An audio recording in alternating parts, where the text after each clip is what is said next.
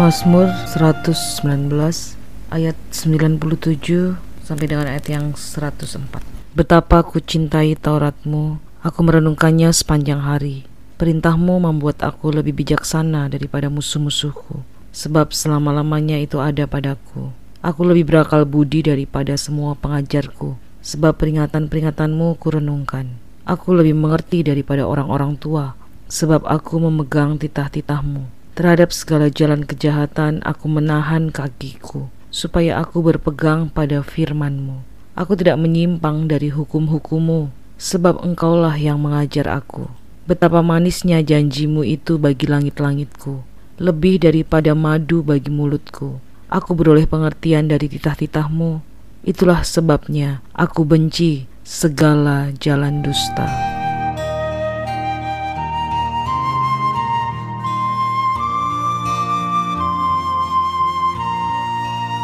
Umat-umat yang Tuhan kasihi pada waktu kita memikirkan Mazmur pasal yang ke-119 ayat yang ke-97 mulai sampai 104 ini disebut sebagai stanza mem ya. Huruf-huruf yang disusun lagi dari huruf mem atau huruf M bagi kita atau huruf mem namanya ya. Dan dalam bagian ini ada beberapa karakteristik yang saya ingin ungkapkan untuk dapat kita renungkan dari bagian ini. Kalau kita baca mulai ayat yang ke-97 sampai ayat yang ke-104, maka dalam delapan ayat ini tidak kita temukan sama sekali doa, tidak kita temukan sama sekali permohonan, tidak kita temukan sama sekali permintaan. Tidak ada permohonan, tidak ada permintaan, tidak ada doa.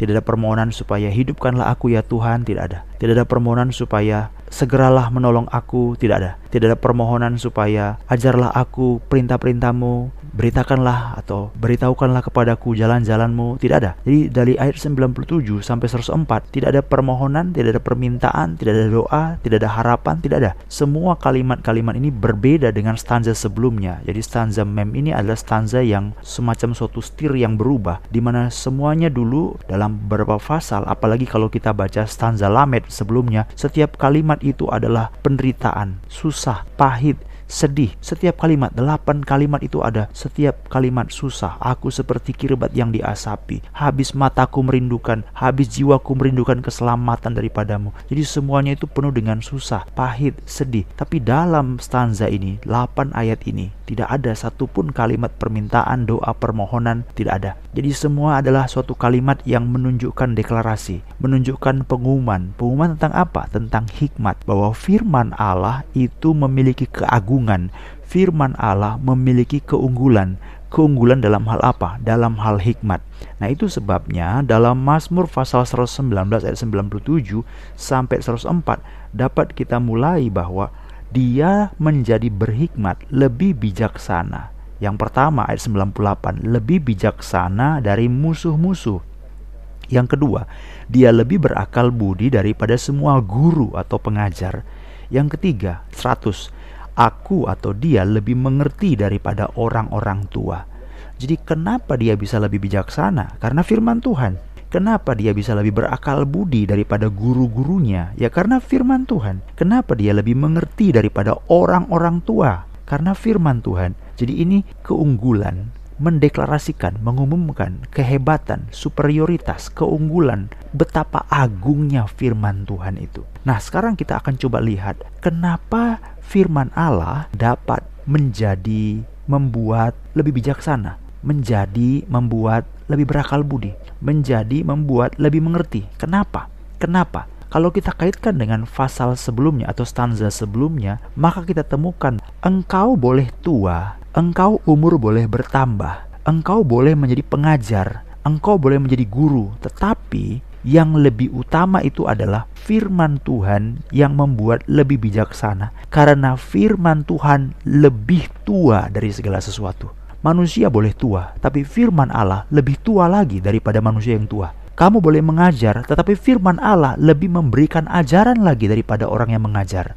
Umur, waktu, sebelum segala sesuatu ada, firman Tuhan itu sudah ada. Firman Tuhan itu dari kekal, dari kekal. Dia tidak punya awal. Kita semua punya awal. Di bumi ini punya awal.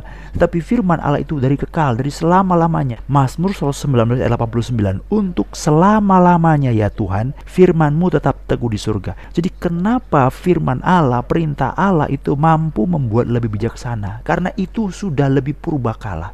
Sebelum segala sesuatu ada, dia sudah ada. Bahkan dialah yang menjadikan segala sesuatu. Itu sebabnya saudara dikasih Tuhan. Jangan menghina firman Tuhan. Banyak logika firman Allah kita tolak. Kenapa? Karena tidak sesuai dengan fakta. Nggak sesuai, nggak kontekstual. Selalu itu bicara ya. Bicaranya apa itu? Yaitu firman Allah itu tidak sesuai dengan hari-hari ini loh. Firman Allah itu tidak sesuai dengan fakta. Firman Allah itu tidak sesuai dengan situasi dan kondisi. Ya gitu ya. Seringkali kita mengatakan firman Allah itu nggak sesuai dengan sikon. Firman Allah itu tidak sesuai dengan konteks. Kita sekarang menggunakan firman Allah untuk menjawab tantangan zaman. Seolah-olah firman Allah itu ketika ketinggalan zaman. Nah, ini koreksi di mana orang percaya harus mengerti bahwa firman Tuhan itu lebih tua daripada segala zaman. Sebelum zaman ada, sebelum perhitungan waktu mulai, firman Allah itu sudah ada. Kapan perhitungan waktu mulai? Perhitungan waktu mulai setelah manusia jatuh dalam dosa. Sebelum manusia jatuh dalam dosa, firman Allah sudah ada kita akan menemukan banyak logika firman Allah itu tidak sesuai dengan kehidupan.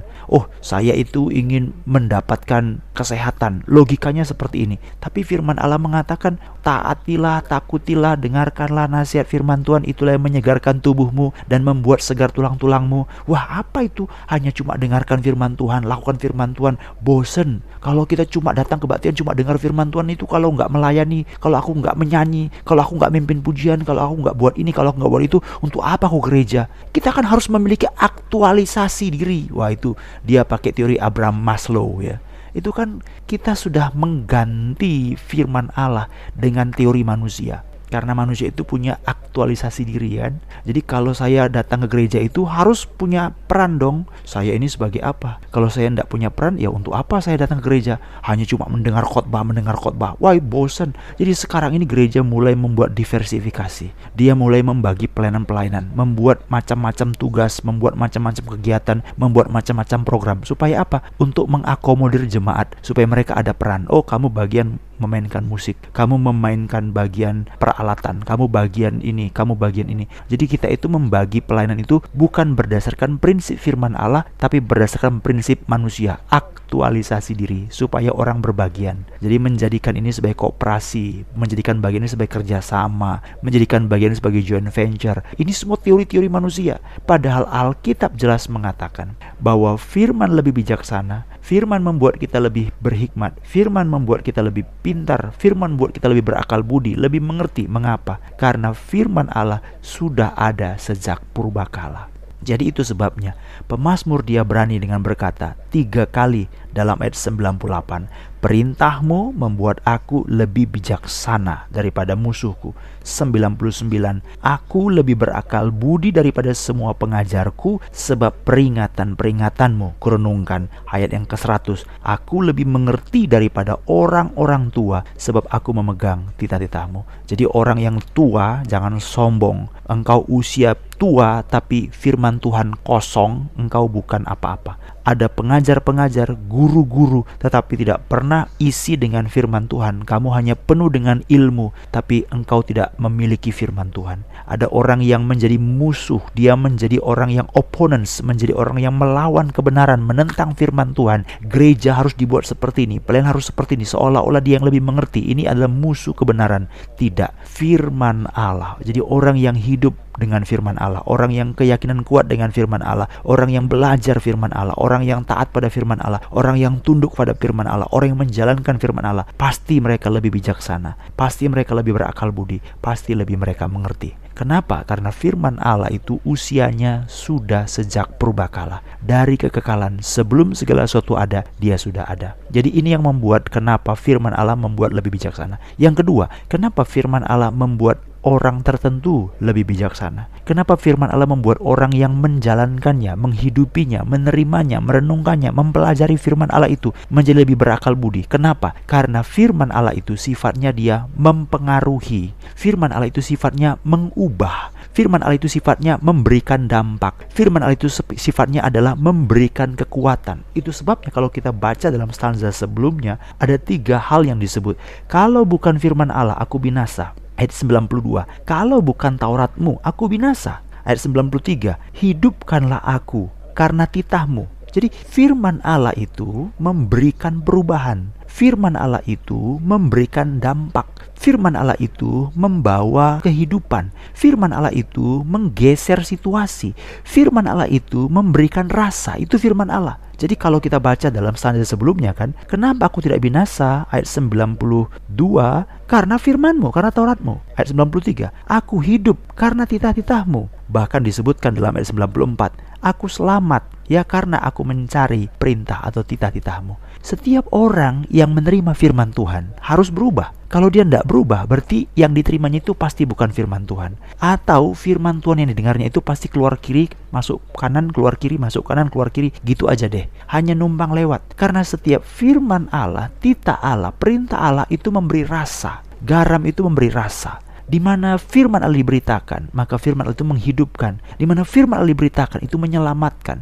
Di mana firman Allah diberitakan itu memberikan hikmat sehingga orang yang menerima firman Allah mereka juga akan diubahkan. Itu sebabnya kenapa lebih bijaksana? Karena dia memberi rasa, karena dia dipengaruhi oleh firman Allah, karena dia diubahkan oleh firman Allah. Saudara sudah berapa lama dengar firman Tuhan? Adakah perubahan dalam hidupmu? Dan perubahan itu adalah perubahan yang sesuai dengan kehendak Allah atau kehendak manusia. Kalau masih hidup dengan kehendak manusia, berarti yang kau terima itu adalah firman yang hanya numpang lewat. Firmannya mungkin benar, tapi numpang lewat. Ini berita firman Allah berulang kali pada zaman nabi-nabi, pada zaman perjanjian lama, hikmat berseru-seru terus disampaikan terimalah hikmat, terimalah didikan, terimalah hikmat, terimalah didikan, tapi orang tetap masuk dalam kebodohan. Kenapa? Orang Israel dibawa keluar dari Mesir, tapi semua mereka yang dari Mesir mati di padang gurun. Kenapa? Padahal mereka makan mana yang sama. Padahal mereka minum dari batu karang, yaitu Kristus sendiri. Itu adalah pekerjaan rohani. Tapi kenapa mereka mati? Karena mereka hanya numpang lewat. Firman Allah itu numpang lewat. Biarlah kita belajar. Jadi pada Mazmur ini tidak ada doa, tidak ada permintaan. Semuanya murni adalah suatu pengumuman. Pengumuman tentang apa? Pembicaraan tentang apa? Firman Allah lebih utama, bijaksana dari segala sesuatu. Yang satu, karena itu lebih tua dari segala sesuatu. Itulah awal, itulah kekal segala sesuatu. Lihatlah, rindulah firman Allah. Yang kedua, karena firman Allah itu akan mengubahkan setiap orang yang menerimanya. Mari berdoa.